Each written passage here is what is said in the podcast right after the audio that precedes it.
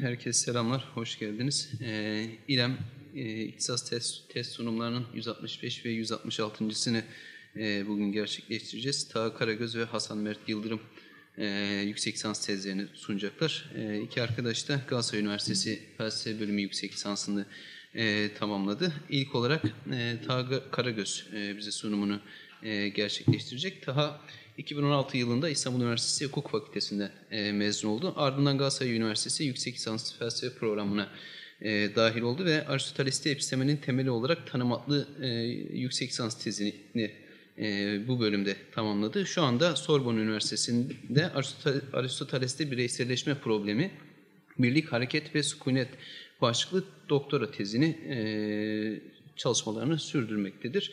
E, bugün bize Aristoteles epistemenin temeli olarak tanım e, e, konusunu anlatacak. E, buyurun. Merhabalar. Ee, bu programı düzenlediği için İLEM'e, programda emeği geçen herkese ve ihtisas programı Yusuf Sefa'ya özellikle teşekkür ederim. Yapacağım sunum yüksek lisans araştırmamın genel bir özeti olacak. Tezimde mutlak bilgi diyebileceğimiz epistemenin dilin yapı taşları olan adlarda temellendiğini gösterebilmek için Aristoteles'in Organon kitaplarında episteme, logos, ad ve cevher kavramlarının ilişkisini inceledim. Genel olarak bilimsel bilginin dil analizinde ortaya çıkan elemanlara bağımlılığını ortaya koymaya çalıştım. Bu bağlamda cevap, cevabını Aristoteles'te aradığım soruların ilki adlar, şeyler ve bilgi arasındaki ilişki nedir? Varlıklara işaret eden adlarla onların tanımları arasında ne tür bir ilişki kuruludur? Bilimin kendilerinden hareket ettiği tanımları nasıl elde ederiz? Genel olarak araştırdığım sorular bu sorularda Aristoteles'in üzerinde. Konu detayına geçmeden önce araştırma metoduna yönelik tercihlerimden bahsetmek istiyorum. Araştırmamı Aristoteles'in mantık metinleri diye anılan Organon kitapları merkezinde yürüttüm. Zira epistemeyi oluşum bakımından değil, elimizdeki verili birçok bilgi çeşidinden nasıl ayrılacağı bakımından araştırdım ki Aristoteles'in kendisi de bu kitaplarda böyle bir yol izler. Epistemenin oluşum bakımından, e, kavramından kastettiğim hissetmeden hareketle öncelikle özel duyularda, daha sonra genel duyuda, daha sonra müteahhilede ve daha sonra da akılda kavramların oluşma süreci. Yani bir bilginin hissetmeden hareketle nasıl oluştuğu. E, verili birçok bilgi çeşidinden, elimizdeki verilerden mutlak bilginin ayrılması ise bir, bu oluşum, oluşum oluştuktan sonra elimizde bir bilgi çeşitliliği var. Bunlardan mutlak ve zorunlu bilgi hangi yöntemle nasıl ayrılabilir? Ee, tabii ki bilginin oluşumu ve doğru bilginin diğer bilgilerden ayrışması konularının ilişkili konular olmasından dolayı yer yer episteminin oluşumu ile ilgili pasajlara da değindim. Aristoteles'in metinleri arasında tarihsel ya da gelişimsel bir fark gözetmedim. Örneğin erken dönem eseri olan bir kitabındaki geçen bir kavramın geç dönem eserindeki kullanımında anlamının değişmiş, gelişmiş olabileceği ihtimalini yatsıdım. Ee, bu anlamda bütün kavramları eş seviyede tuttum. Ee, bütün metinlerindeki kavramsal şemayı sistematik bir bütünlük içerisinde ele aldım. Özellikle Aristoteles'in kullandığı temel kavramların tanımlarından hareketle analitik bir analiz geliştirmeye çalıştım. Tanımlar arasında ortaya çıkan bağlantısız noktalarda ise bağlamı göz önüne alıp hipotezler kurarak analizimi ilerlettim. Genel olarak metodum böyle. Tezim üç bölümden oluşuyor. Birincisi episteminin kendilerinden meydana geldiği logosun analizi.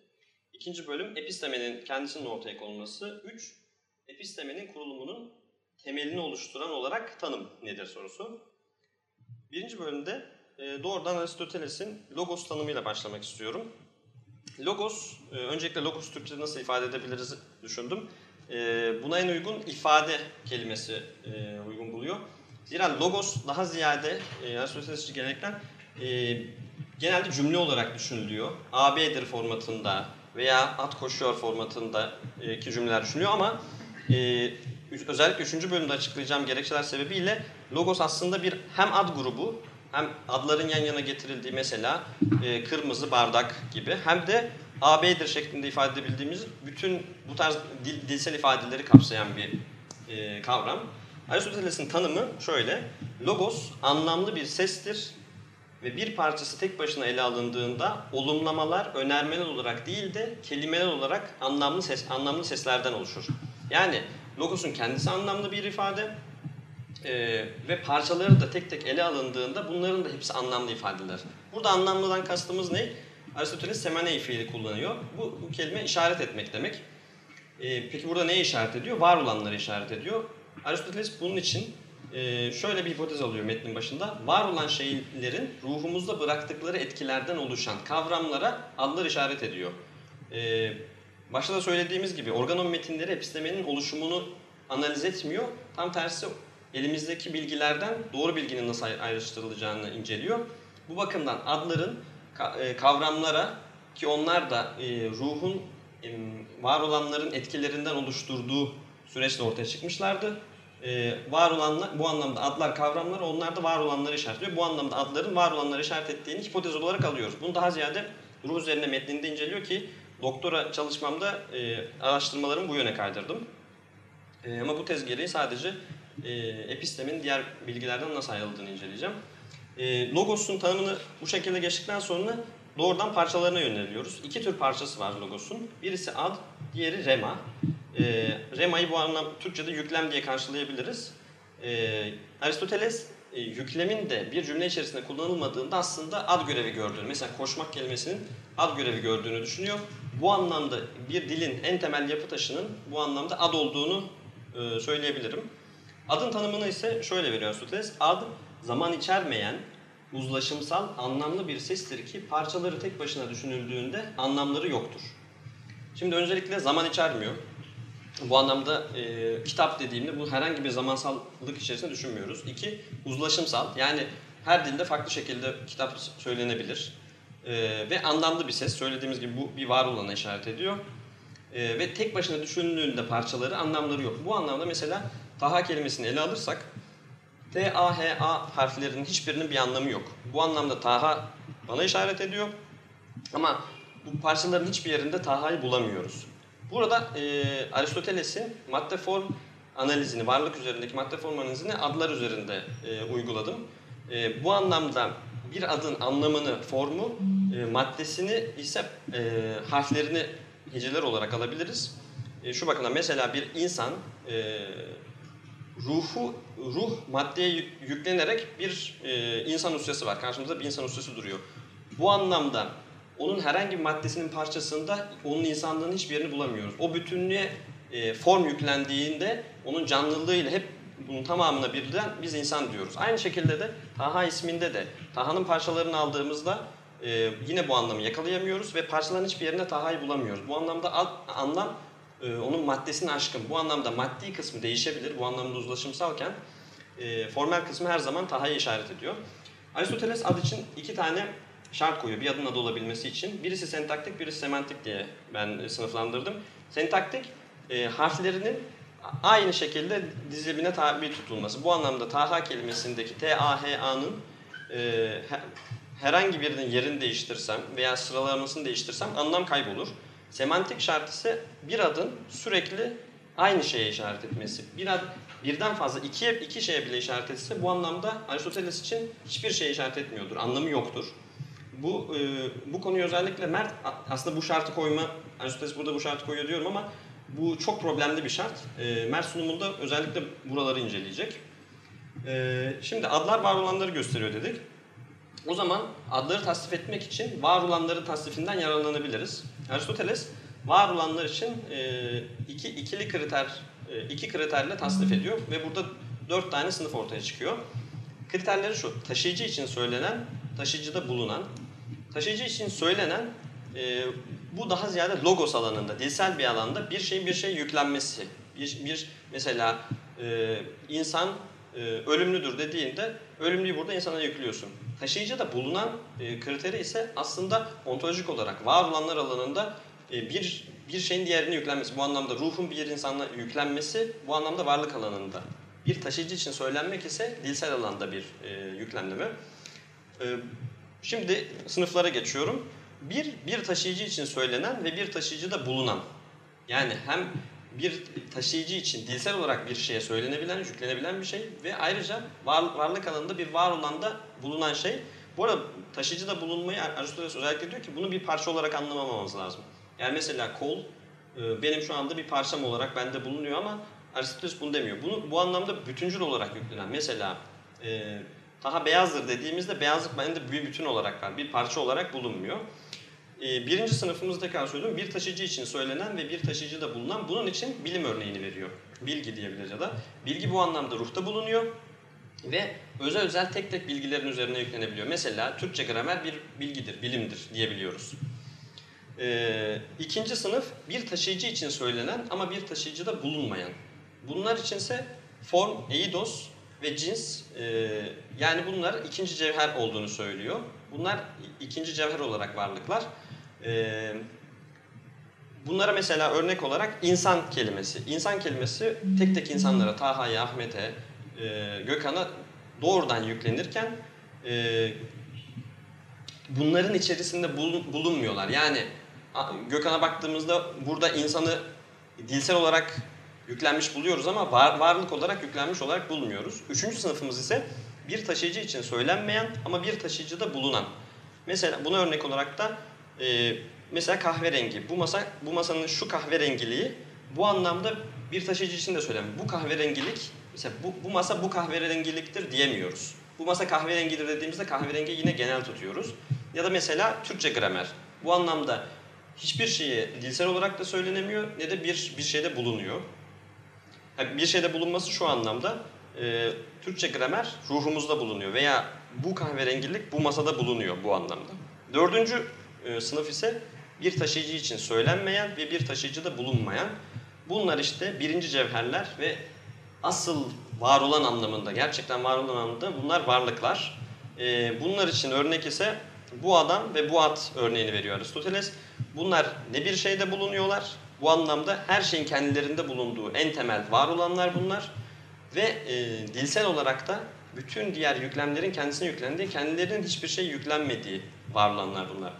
Mesela bu anlamda e, Ahmet bir insandır dediğimizde e, bu anlamda insan da ikinci usya, bu ikinci usyalarda dolaysız olarak birinci usya, birinci cevherlere, ikinci cevher olan insan formu birinci cevher olan Ahmet'e yükle, doğrudan yüklendiği için bunlar da logosun aslında logos bakımından en altta duran var olanlar. E, varlık bakımından en altta duranlar ise birinci cevherler. E, Aristoteles bu, bu anlamda e, şu, neyi kastediyor Aristoteles? Başka bir şeyde bulunmamadan kastettiği bu anlamda diğer her şeyden soyutlanabilir bir şekilde ele alınabilen şey. Ya mesela bir kolu düşündüğümüzde bunu hiçbir zaman bir insandan bağımsız olarak düşünmüyoruz. Ama insanı her şeyden, bütün var olanlardan bağımsız olarak en altta tek başına düşünebiliyoruz. Aristoteles ikincil cevherleri niye ikincil cevher dediğini açıklamak için şöyle bir kavram kullanıyor. Apodidoi. Bu şu demek, ikincil cevherler birincil cevherleri açık kılan. Ee, bu yüzden bunların kendisine de bir tip e, asıl varlık anlamında varlık atfediyoruz ama ikincil olarak. E, buradan kastettiği de şöyle bir şey. Mesela e, Taha insandır dediğimde Taha'nın neliğini bana insan açık kılıyor. Çünkü ona doğrudan yükleniyor. Ee, mesela Taha beyazdır dediğimde bana Taha'nın neliği açık kılınmıyor. Çünkü beyazlık Taha'ya bütünsel olarak, dolaysız olarak yüklenmiyor. Taha'nın vücudunun beyazlığına ilişkin bir şey. Bu anlamda Taha'ya en bütüncül olarak yüklenen şey insanlık ya da onun canlılığı. Ee, ve bu arada birinci Rusyaları e, çağdaş mantık tartışmaları bakımından e, özel adlarla karşılayabiliyoruz. Bu anlamda e, Ahmet, e, Mehmet vesaire bunların hepsini özel adlar özel adlar olarak karşılayabiliriz kavramsal olarak. Aynı zamanda bunlar tekilliği de belirtiyor. Yani e, bunlar ne tümel varlıklar ne de e, tikel varlıklar. Bunlar doğrudan tek olarak başka hiçbir usyanın içinde bulunmadan, başka hiçbir cevherde bulunmadan tek başına duran varlıklar. E, ad analizini böyle tamamladıktan sonra fiil kısmına geçiyoruz. E, çünkü bir logosun ortaya çıkması için fiil de gerekli. Bu tabii ki cümle anlamında logos. Yoksa ad grubu olarak logosa ihtiyaç yok. Fiilin tanımında ise adın tanımına ek olarak zamana işaret etmesi var ve başka bir şey hakkında söylenmesi var. Bu anlamda adlar başka şeyler hakkında söylenmiyor. Fiil her zaman mesela at koşuyor şimdiki zaman. Oradaki koşmak ata yüklenerek hem e, ada, yük, ada yüklenerek başka bir şey hakkında söyleniyor hem de bir zaman içeriyor ve aynı zamanda varlık e, yüklemiş oluyor.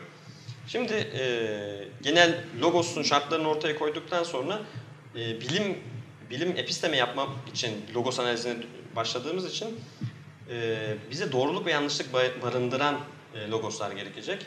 Bu bakımdan mesela dua ifadeleri, emir ifadeleri veya nida ifadeleri e, bizim e, aradığımız logos tipi değil. Aristoteles doğruluk ve yanlışlık taşıyan logoslara apofantik logos diyor. Yani bu anlamda AB'dir formatında olumlama veya olumsuzlama olarak e, kullanılan e, logos tiplerini apofantik logos olarak belirtiyor. Ve bunlar e, biz epistemeye geçtiğimizde hem öncüllere ve bu öncüllerden çıkan sonuçlar olarak görev görecekler. Bu anlamda AB'dir formatında kurabildiğimiz bütün logoslara apofantik logos diyebiliriz. Birinci bölümde artık logos analiziyle artık tamamen bilim yapılabilecek bir e, dilsel imkan kurulduğu için artık ik, ikinci bölüm olan epistemeye geçiyorum. Episteme, iyi Türkçe'de nasıl karşılaşırız diye düşündüğümde e, İngilizce'de knowledge, Fransızlar ise genel olarak çevirilerde science olarak karşılıyorlar. Knowledge burada bilgi, science ise bilim demek. E, şimdi ben bölümde ilerledikçe daha da göstereceğim gibi aslında bu iki anlamı da haiz olduğu için e, burayı Yunanca koruyacağım. E, kelimeyi değiştirmemeyi düşünüyorum. E, mutlak şekilde bilmeyi Aristoteles şöyle tanımlıyor. Sofistik yani arzi bir şekilde değil, mutlak anlamda bilmek bilinenin nedenini ve bu nedenin o şeyin nedeni olduğunu ve o şeyin başka türlü olmayacağını bilmek demektir. Bu üçüncü şartta zorunluluk nedeni.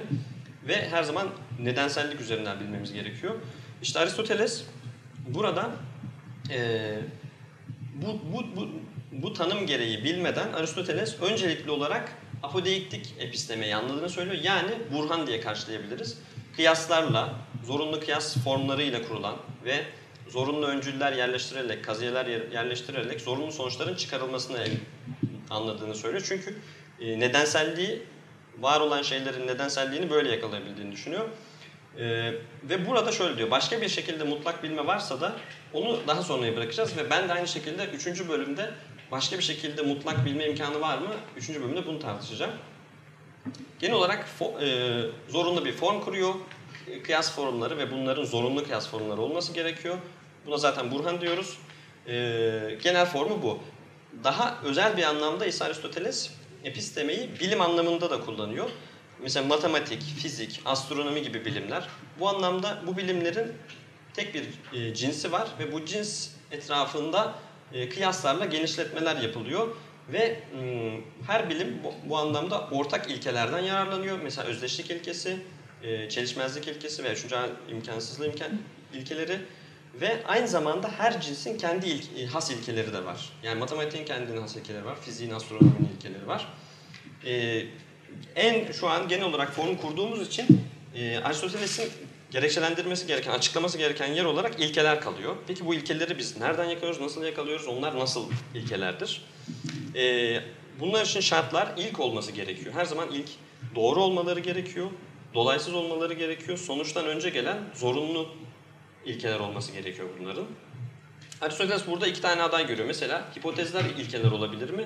Ya da e, Burhan'ın kendisi ilke olabilir mi? Yani ilkelerimizi de burhanlardan oluşturabilir miyiz? Kıyaslardan oluşturabilir miyiz?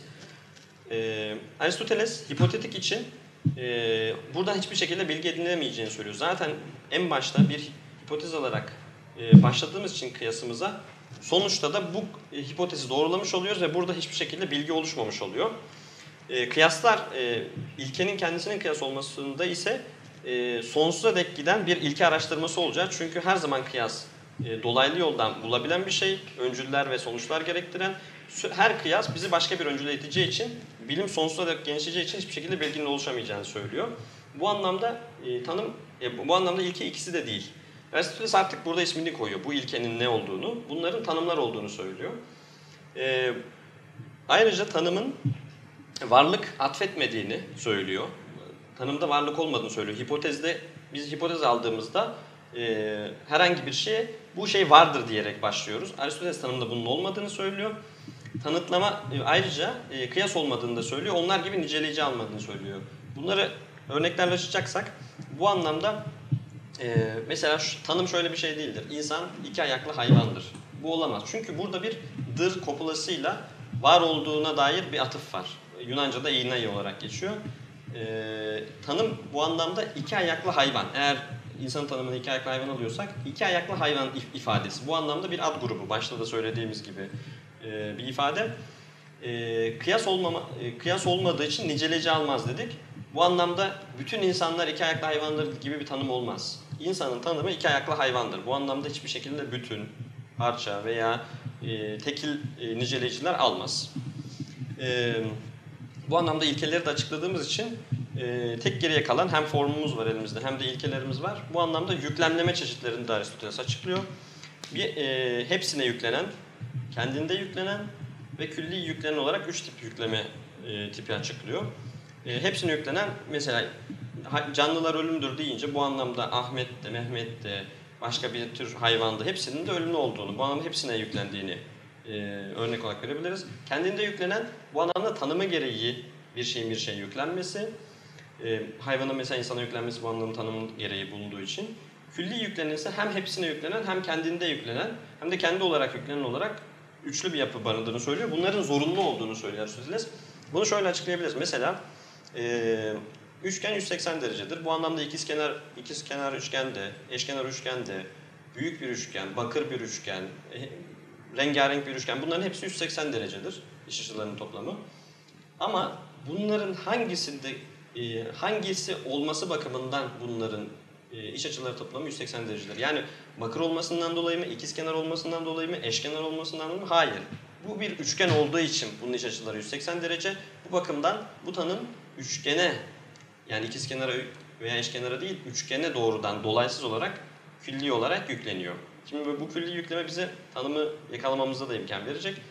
E, Bilim genel olarak bilim analizimi böyle tamamlıyorum. Daha sonra tanım bölümüne geçiyorum. Şimdi tanım bölümünde e, özel bir iddiam var. E, Aristoteles'te iki tane kavram var. Horos ve horismos. Bu, bu kavramların ikisi de aynı kökten geliyor ve sınır, bir şeyi çevrelendirmek, sınırlamak anlamına geliyor. Bunları tanım veya terim yerine çevriliyor. Literatürde bir karışıklık var.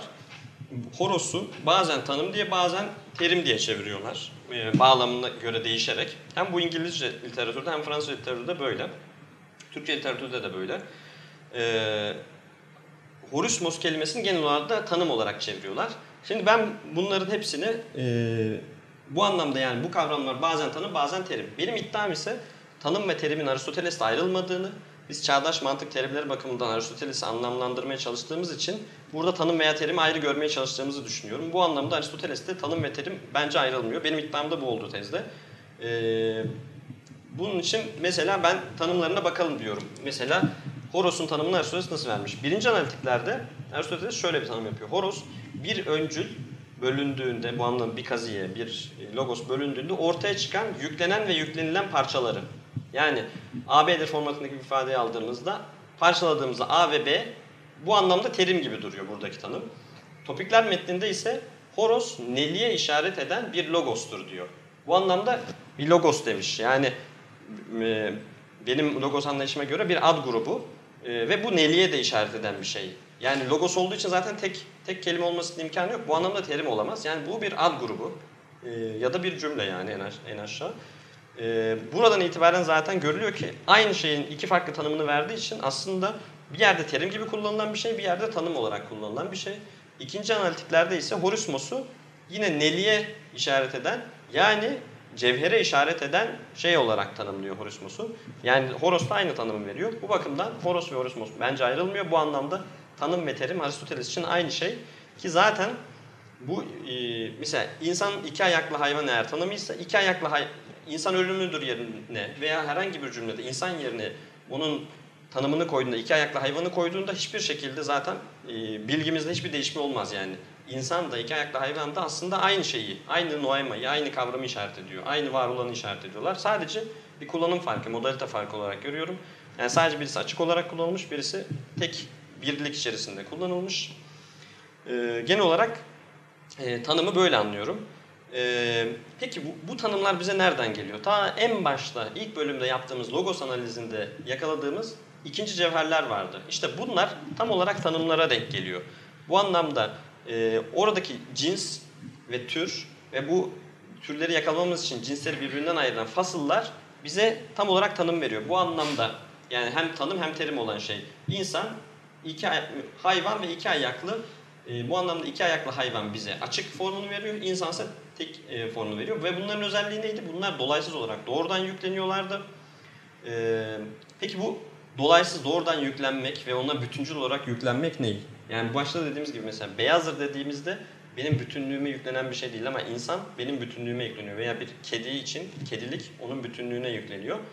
Ee, burada Aristoteles bir teori geliştiriyor. Çünkü e, evet dilsel olarak bilebiliriz, genel olarak cinsleri biliyoruz ama yine de e, bilimsel bilgide herkes bilimsel bilgi işletemiyor. İnsanlar yanlış bilebiliyor bazen cinsleri. Bunun için bölme teorisi geliştiriyor ki Platon'un e, öncelikle kullandığı bir teori.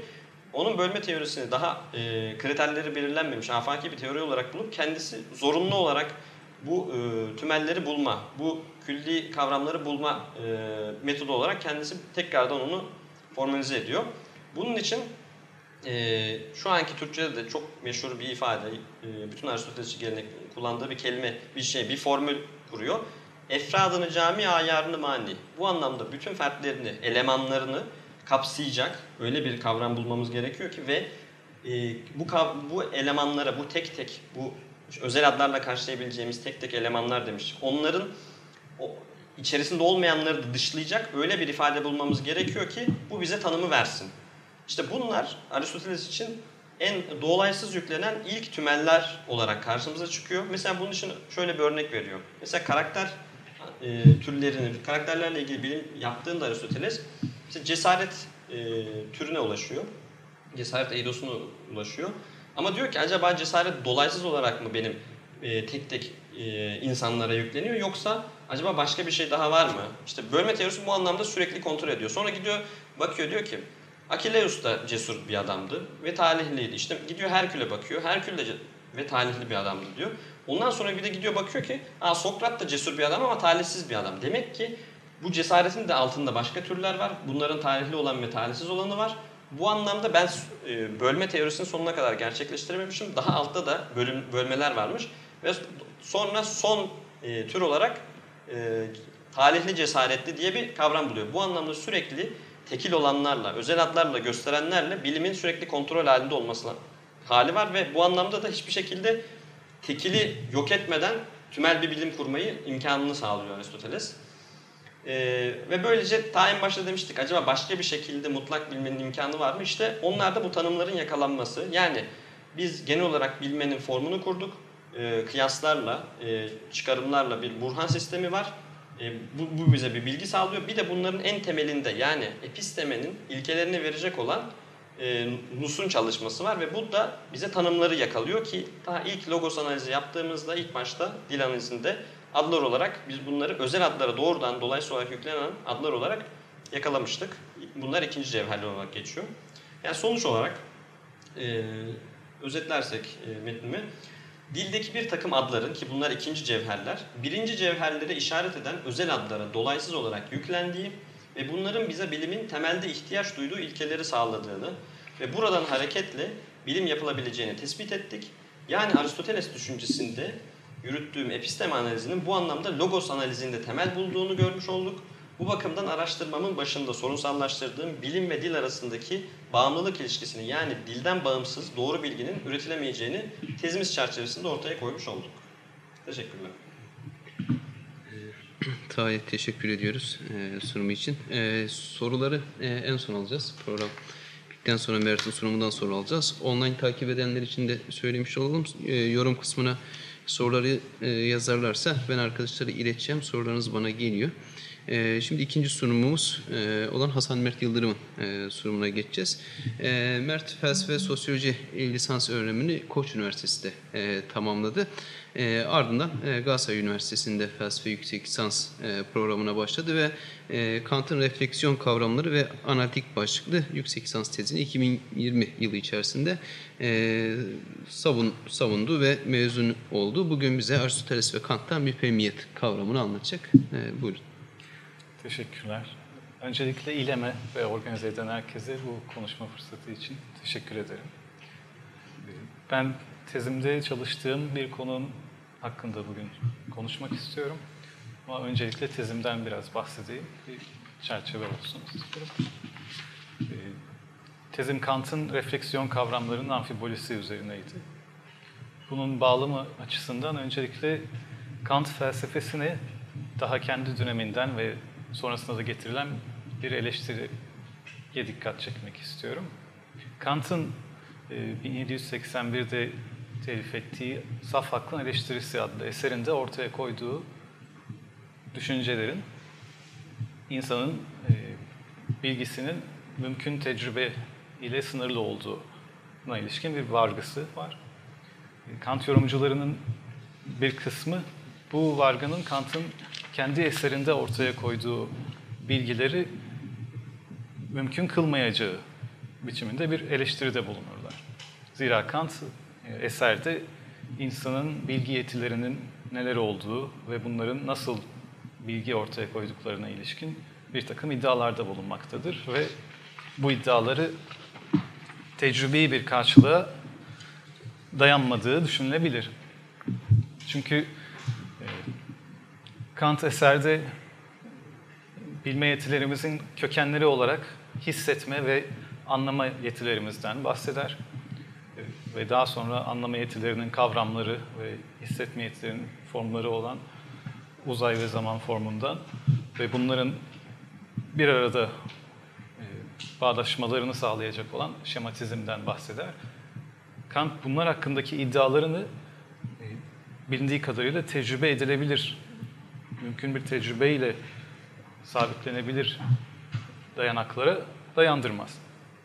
Dolayısıyla Kant'ın kendi eserinde ortaya koyduğu bilgilerin kendi vardığı sonuç itibariyle savunulamayacağı yönünde bir takım eleştiriler mevcuttur. E, Benim tezim bu eleştiriler karşısında Kant'ın belki de savunulabileceği bir e, bakış açısının bir parçası olarak tasarlanmıştı. Burada Kant'ın kendi eserinde ortaya koyduğu bilgileri hangi yöntemle, neye dayanarak ortaya koyduğuna kısmi de olsa bir açıklama getirmeye çalıştım. Ve bunun için Kant'ın eserindeki e,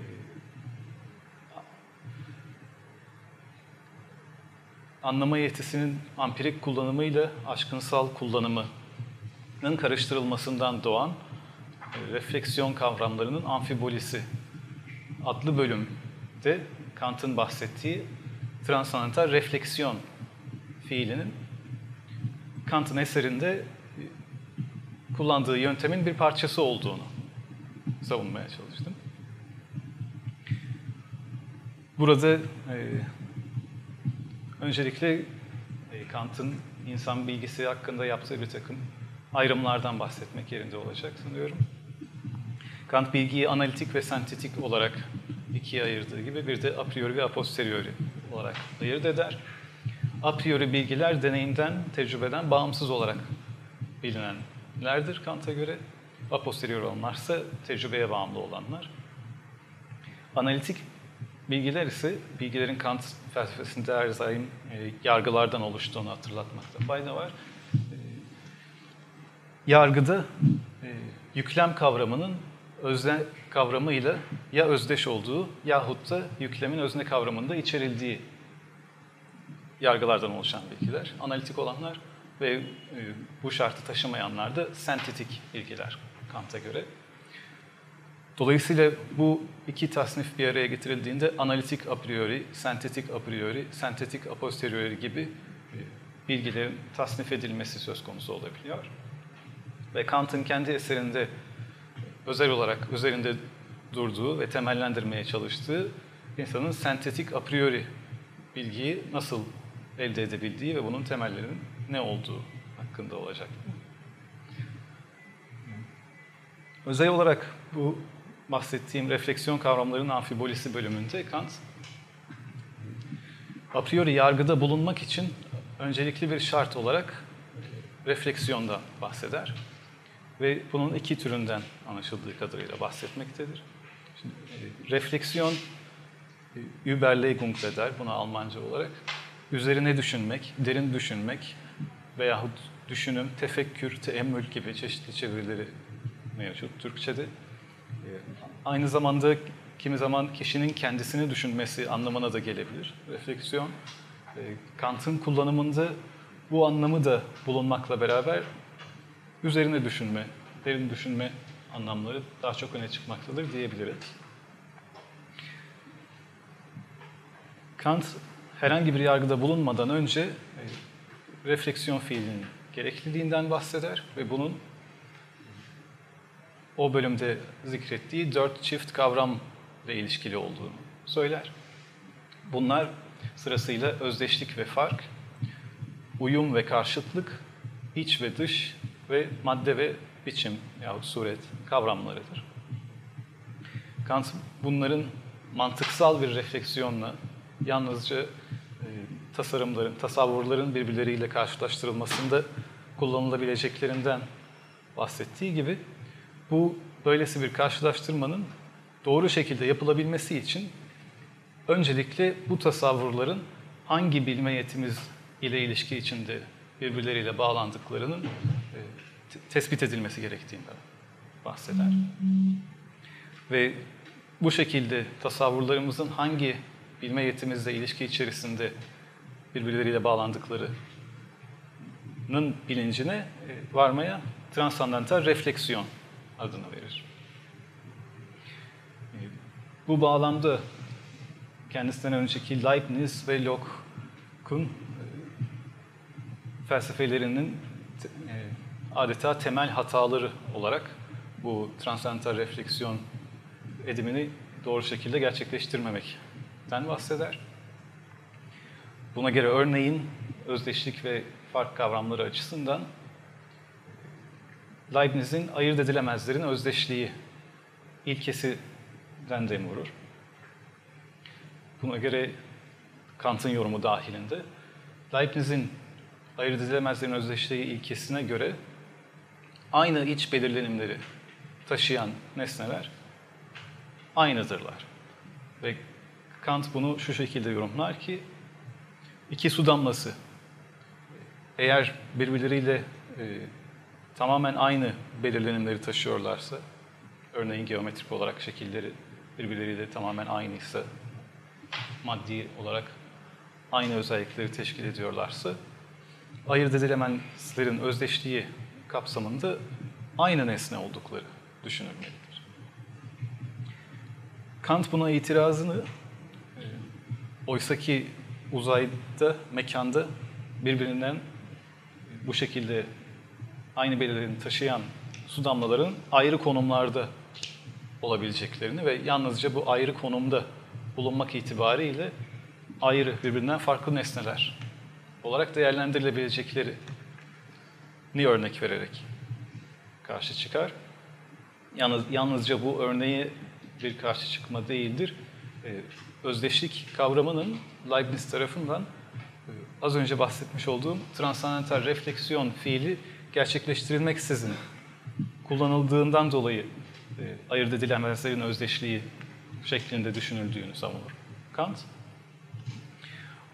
E, zira ona göre Leibniz tasarımlarımızı, tasavvurlarımızı yalnızca e, akletme veya anlama, daha doğrusu anlama, müdrike yetimiz ile ilişki içerisinde düşünmüştür. Ve biz e, idrak etme bakımından gerçekten de aynı belirlenimleri taşıyanları aynı olarak idrak ederiz. Oysa Kant'a göre bilgimiz her daim e, mümkün tecrübe sınırları içerisinde ve mümkün tecrübeye ilişki içerisinde mümkün olduğu için e, yalnızca müdrikeye göre değil, aynı zamanda e, hissetme yetisine ilişki içerisinde düşünmek gerekecekti.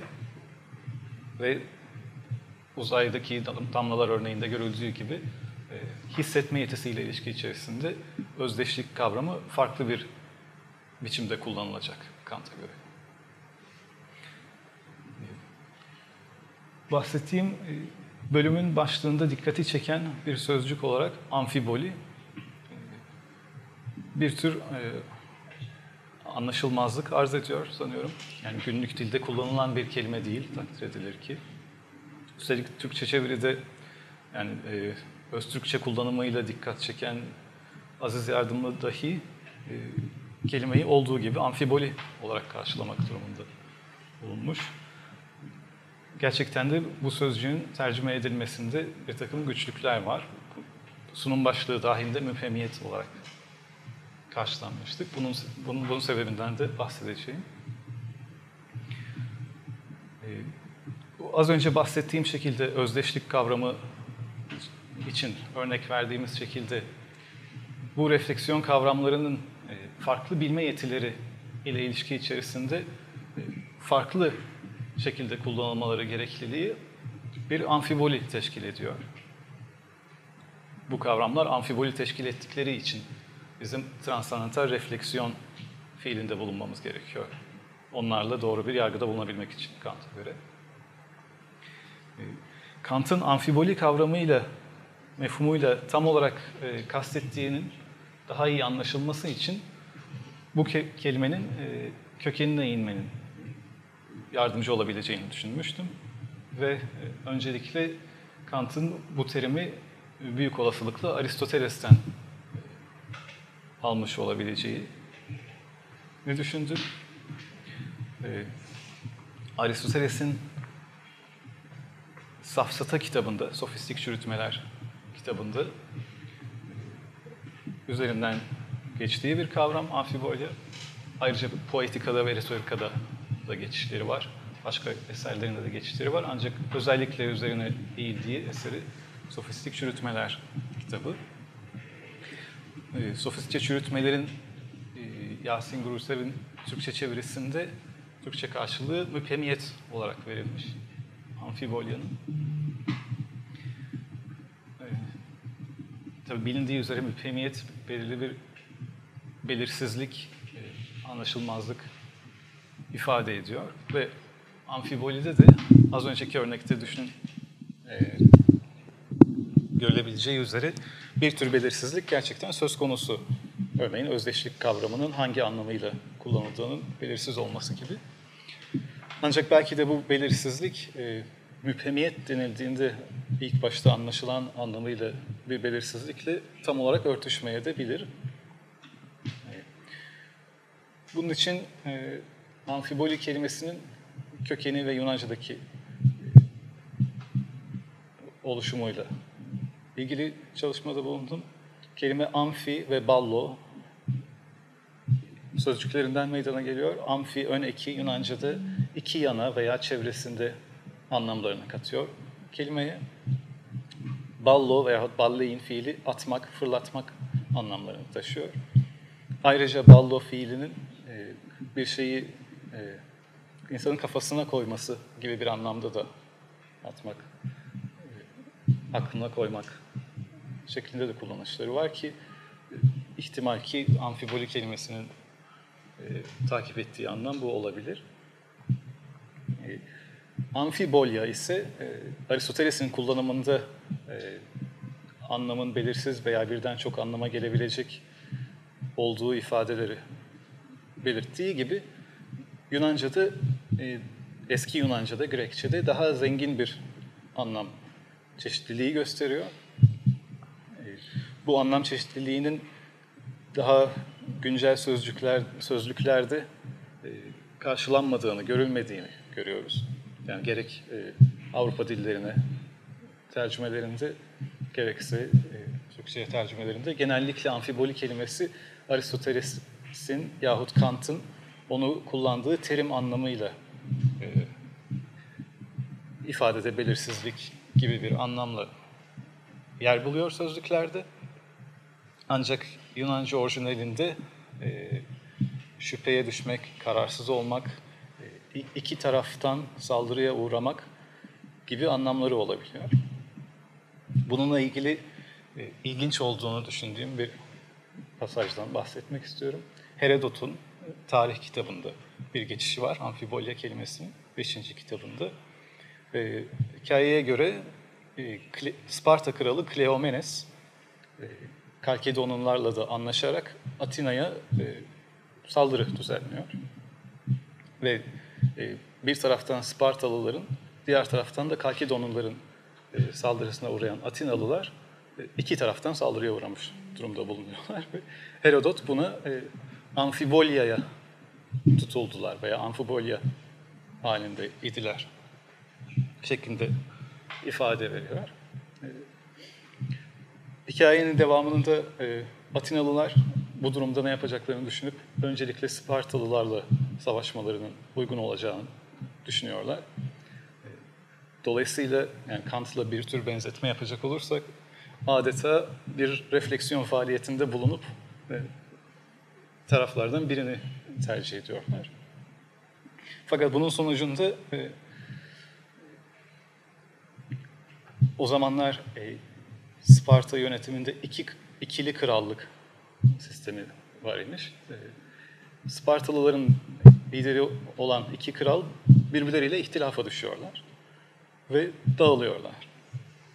Adeta bu sefer amfiboli onlara sıçramış gibi oluyor. Bu hikayeyi şu açıdan ilginç buldum.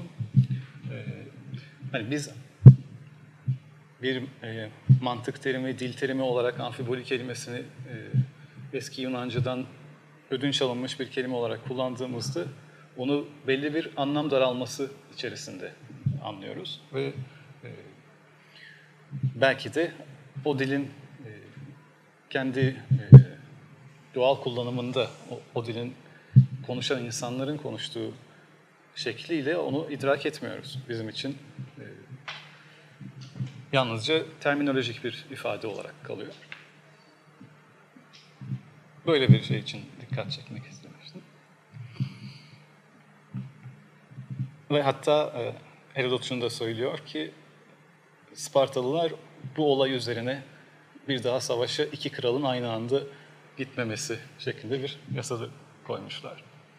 Bunu da yine belki Kant'a benzetebiliriz. Çünkü Kant'ta amfiboliden bahsederken e, bu özdeşlik fark gibi kavramları e, kullanacağımız zaman bu iki ayrı anlamdan e, hani hissetme ve idrak etme açısından e, hangisi olduğunu belirlememiz gerektiğinden dem vuruyordu. E, bunu şu yüzden dikkat çekmek istedim. Yani müphemiyet dediğimizde bugün İngilizce'de genellikle yapılan bir ayrım var. Vagueness ve ambiguity diye. İkisi de bir tür belirsizlik demek ama ambiguity biraz daha iki anlamlılık anlamına gelirken vagueness biraz daha anlamın e, belirli ve net olmaması anlamına geliyor. Belki buğulu bir camdan bakmak gibi düşünülebilir birisi. E, müphemiyet biraz daha bu belirsizlik anlamını öne çıkartan bir kelime. Arapça kökenli bu. E, bu beheme kökünden türeyen örneğin behemiyet bir tür e, ahmaklık ifade edebilir örneğin. Yani bir tür anlaşılmazlığı öne çıkaran bir kelime iken amfibolide anlamın iki tarafa veya etrafa atılması daha çok ifade edilmiş oluyor. Bununla ilgili de ilginç olabileceğini düşünerek e, İsmail Fenli Ertuğrul'un e, Lügatçeyi felsefesinden amfiboli girdisini e, okumak istiyorum. İsmail Fenli Ertuğrul e, bir Türk mutasavvıf yazar ve filozof. Kendisinin e, André Lalande'ın 1902 basımlı Vokabüler Teknik ve Kritik de la Filozofi e, sözlüğünün tercümesi ve derlemesinden e, bir parça bu. 1925 basımlı. Amfiboli başlığı altında. İki mana anlaşılması, müphemiyet, takid. Eğer bu elfazda olursa iki manalı, zül ciheteyn ve cümle ibarelerde olursa takid, iltibas, ilak, muğlakiyet, ibham, müphemiyet tabirlerinin kullanılması tavsiye olunmuştur. Amfiboli transandal, tal, ibhamı alevi, Kant'a göre eşyayı tecrübiyeyi tefekkür için müdrike-i mahzanın ayniyet ve ihtilaf, tevafuk ve tekabül, heyula ve suret gibi meani-i külliye ve mebadisi lazımdır. Lakin bunların ancak icra-i tecrübeye nispetle bir kıymeti vardır. Bu eşyanın bize ne veç ile malum olduğundan sarfı nazar etmek kolay olmakla biz müfekkirenin yegane makul olan istimali alevisini ikame etmeye taban meyyeriz. İşte bu veçhili salif zikr meani külliyeden ibaret sırf akli bir takım mahmullerin mahsusatı tatbikinden yani malumat-ı tasavvuriyeyi mücerrebat ile karıştırmaktan husule gelen müphemiyete ibhamı alevi tesmiye olunur. Mesela kablet tecrübi bir mefhum, müdrike-i sırfanın bir mefhumu olan ayniyet identitenin bundan başka eşyanın bir hassai hakikiyesi olduğunu iddia etmek bir ibhamı alevidir şeklinde ifade etmiş. Ee, bu ifadede dikkatinizi çekeceği üzere doğrudan Kant'a referans var ve Kant'ın bu terimi kullanımı dan öncelikle bahsediyor.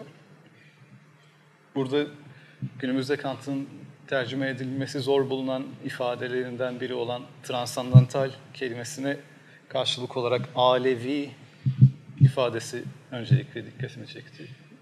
Belki de güzel bir tercüme olabileceğini düşünüyorum. Yani ala, yüce kökeninden. Günümüzde aşkınsal denebiliyor genellikle.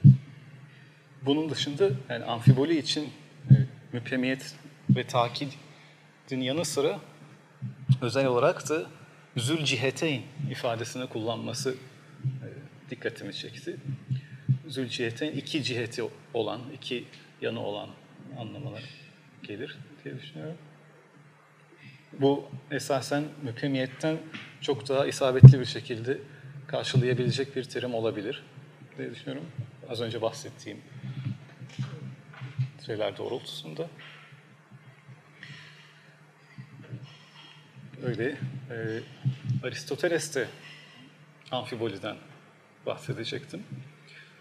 Aristoteles amfiboliyi söylediğim gibi Sofistik Çürütmeler kitabında özellikle ele alıyor ve bu kitap Aristoteles'in Topikler adlı eserinin ya takip eden yahut da son kitabı olarak görülüyor birçoklarınca.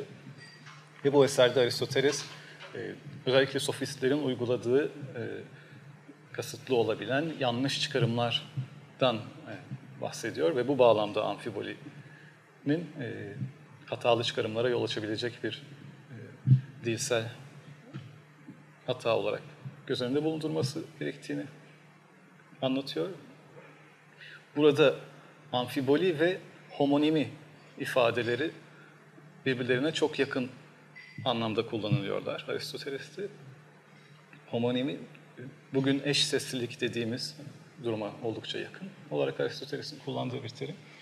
Özellikle de kategoriler eserinin girişinde ilk yaptığı ayrım dahilinde bahsediyor homonimiden. Aristoteles'e göre homonymon olanlar, yani homo benzer ve onoma isim kelimelerinden mürekkep bu isim. Adları ortak ancak logosları yani tanım yahut artık ne olarak karşılayacaksak ifadeleri farklı olanlar için söylenen, kullanılan bir terim. Buna karşı sinonim yani belki bugün eş adlı dediğimiz mefhuma biraz daha yakın.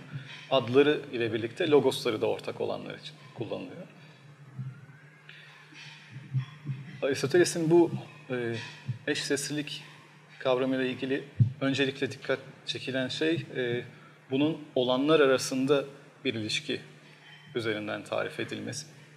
Çünkü e, doğrudan bir ismin çok anlama gelmesinden değil, adları ortak olan var olanlardan bahsediyor. Aristoteles ancak yine de bunu doğrudan e, ortak bir isimleri olması açısından ele alıyor. Bu açıdan sanıyorum ki daha e, benim de bu konudan bahsedeceğime değinmişti. Çünkü e, bir ismin tekilliği için bahsettiği sentaktik ve semantik şartlar vardı. Ve bu durumda e, bir ismin bir anlama gelmesi onun semantik bir şartı olarak görülecek olursa e, bu sefer Aristoteles'in yaptığı eş seslilik tanımı biraz güçlüye düşecektir esasında. Çünkü e, eğer e, ifade ettiği anlam ismin bir parçası olarak görülürse bu sefer eş sesli olarak kullanılan kelimelerin aynı isim olduğunu söylemekte güçlük çıkacaktır. Örneğin Türkçedeki bu sayı olan yüz, e, surat olan yüz şeklindeki eş seslilik durumunda eğer anlamın da kelimeye dahil olduğunu söylersek bunların iki ayrı isim olduğunu söylemek gerekebilecektir. Amfiboli için Aristoteles'in bu kadar açıklıkla verdiği bir tanım maalesef bulunmuyor. Ancak sofistik çürütmeler kitabında e, homonimi eşsizlik ile beraber bunu e, birincisi lafzi yanlışlar, paratol, paratenleksin yanlışlar kategorisinde ele alıyor ve ikisini de paratodikton, ikilik üzerinden e, yanlışlara götürenler olarak ifade ediyor. Amfiboli genellikle e, bir kelimeden ziyade e, anlamın muğlak veyahut farklı anlamlar teşkil edebileceği bir kelime öbeği veya cümle dahilinde örneklendiriliyor Aristoteles'te. E, buna belki e, Türkçe beni düşman görüyor gibi bir ifadeyle düşünebiliriz. Yani bir düşmanın beni gördüğü anlamına da gelebilir. Birisinin beni düşman olarak gördüğü anlamına da gelebilir. Ve sanki bu tam olarak düşman kelimesinin eş seslilik e, arz etmesinden dolayı değil, bu ifadenin farklı şekillerde anlaşılmasından dolayı ortaya çıkan bir anlam kargaşası gibi görünüyor. Ancak Aristoteles'in verdiği her örnek de cümle biçiminde değil. Buna e, Yunanca aetos dem vuruyor. Bu kartal anlamına gelebildiği gibi e, antik Grek mimarisinde sütunların taşıdığı üçgen alınlık da ifade edebiliyor.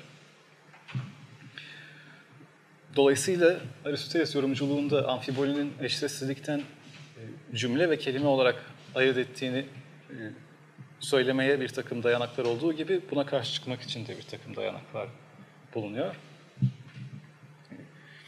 Aristoteles felsefesi bağlamında e, bunun bir önemi olabileceğini savunanlar var literatürde. Bunun için Paul Grice'ın, Enrico Berti'nin çalışmalarına bakılabilir. G.E.L. Owen'ın keza. Bilindiği gibi Aristoteles'in metafizik bahsinde özellikle üzerinde durduğu bir iddiası varlığın e, çok şekilde söylendiği, pollachos legetai olduğu. Bununla Aristoteles özellikle Platon felsefesine e, bir eleştiri getirmiş oluyor denebilir sanırım. Ve varlığın e, bir cevherin var olması ve örneğin bir niteliğin, niceliğin var olması gibi anlamlarında e, farklı anlamlarda kullanıldığını öne sürüyor. Ve bu farklı anlamların ayrıca e, belirli bir cins, genos olarak varlık altında toplanamayacağını da öne sürüyor. Keza e, cins kendi fasılalarına yüklenemez Aristoteles'e göre. Ancak e, metafizik bahsinde e, varlığın birçok şekilde söylendiğini belirtirken Aristoteles bunların homonim olmadıklarını, eş sesli olmadıklarını da dile getiriyor. Keza öyle olsalar e, varlık olarak varlığın bilimi olan metafiziğin e, diğer bilimlerle olan ilişkisi oldukça e, karmaşıklaşacaktır. Öte yandan e, bir anlam ayrımına gidilmesi gerekliliğini de savunuyor. Ve bunun yine de bu farklı anlamların proshen bir, bir anlama göre bir anlam ile ilişki içerisinde söylendiğini öne sürüyor. E, dolayısıyla e, eşseslilik ile karşılanmayacak farklı bir çok anlamlılık mefhumu gerekli burada Aristoteles'in söylediklerini kavrayabilmek için. Ve literatürde bunun için e, bir takım e, öneriler var. Bunun e, focal meaning, yani odak anlam veya core dependent homonymi, çekirdek, çekir, bir çekirdeğe bağımlı eşsizlik gibi bu konuda çeşitli öneriler öne sürülmüş ve e, amfiboli de e, bu konuda düşünülebilecek bir kavram. Belki de eş seslilikle doğrudan aynı olmamakla beraber e, bir sözcüğün farklı anlamlara gelmesini ifade etmek için kullanılabilecek bir terim olabilir. Aristoteles ile Kant'ın bu kavramı kullanımlarını da e, çok kısaca karşılaştırmak isterim. Bahsettiğim gibi Aristoteles'te bu öncelikle dilsel bir durumdu. Bir kelimenin birden çok anlamı ifade etmesi veya bir ifadenin belirsizliğinden öne çıkıyordu. Kant'ta ise bu özdeşlik ve fark ve benzeri refleksiyon kavramlarında bahsettiğimiz gibi e, bu e, anlam veyahut kullanım çokluğu en azından Kant'ın anlattığı biçimiyle e, kelimelerin bir belirsizliğinden ziyade e, bizim bilme yetilerimizin ayrımından kaynaklanıyor. Keza buradaki belirsizlik bir sözcüğün belirsizliği olsaydı Kant'ın bu, e, buna karşı transantal refleksiyon gibi e, tasavvurlar ile bilme yetilerimizi ilişkilendiren bir e, çözüm önerisi sunması gerekmeyecekti. Biz yalnızca o kelimelerin ne anlama geldiğine dikkat edecektik. Bu açıdan belki de e, şöyle bir yorumda bulunabilir. Aristoteles'te amfiboli e, dille, sözcüklerle ilgili iken Kant'ta adeta felsefesindeki Kopernik devrimiyle uyum içerisinde e, amfiboli e, bilen özneyle ve onun bilme yetileriyle ilişki içerisindedir. E, teşekkür ediyorum beni dinlediğiniz ve vaktinizi ayırdığınız için.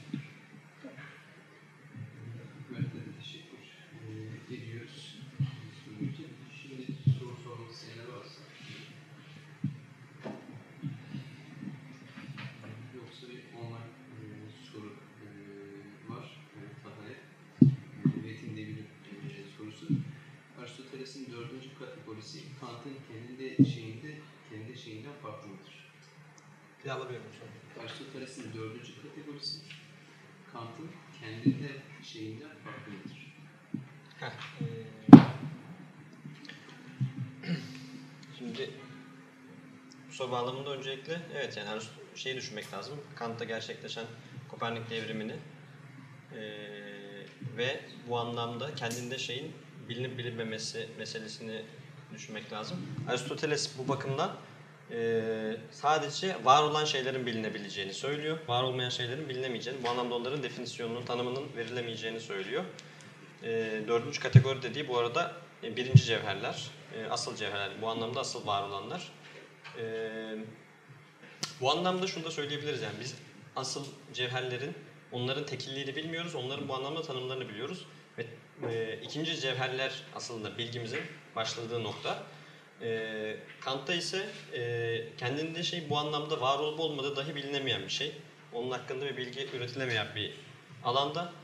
E, bu anlamda e, hiçbir şekilde bu ikisini bir, bir arada karşılaştırıp bir araya getiremeyeceğimiz iki kavram. E, Zaten tam da yani Kant'ın bu anlamda e, bilgiyi sınırlandırmasının sebebi e, tam da Usya alanını daraltıp Usya'nın sadece bir kategori olarak e, zihnin e, kategorileri haline getirmesi. Aristoteles'te işte bunlar tam tersi var olan da e, kendi başına var olan ve hatta ilkeleri kendinde olan varlıklar. Bu anlamda birinci Usya'lardaki örnekler bu at, bu adam e, örnekleri aslında çok e, rastlantısal değil hatta özel ad dememiz de bu sebeple bunlar aslında ruh metninde ruh sahibi varlıklar. Bu anlamda ilkeleri kendilerinde e, ve bunlar hiçbir var olana yüklenmek için kendisi var olan hatta bilimin dayana, dayanak noktası. E, tabii ki hmm, Kant'ta da eğer kendinde şey yoktur saçmalığı deseydi bu anlamda yine bilim başlatılamaz bir noktadaydı ama yine de tam olarak onun hakkında konuşma sınırlandırıldığı için bilim bakımından e, bilginin başladığı nokta onun bilinememesiyle e, e, başlatılıyor. Bu anlamda tam bir zıtlık var diyebiliriz. Teşekkür ederim soru için.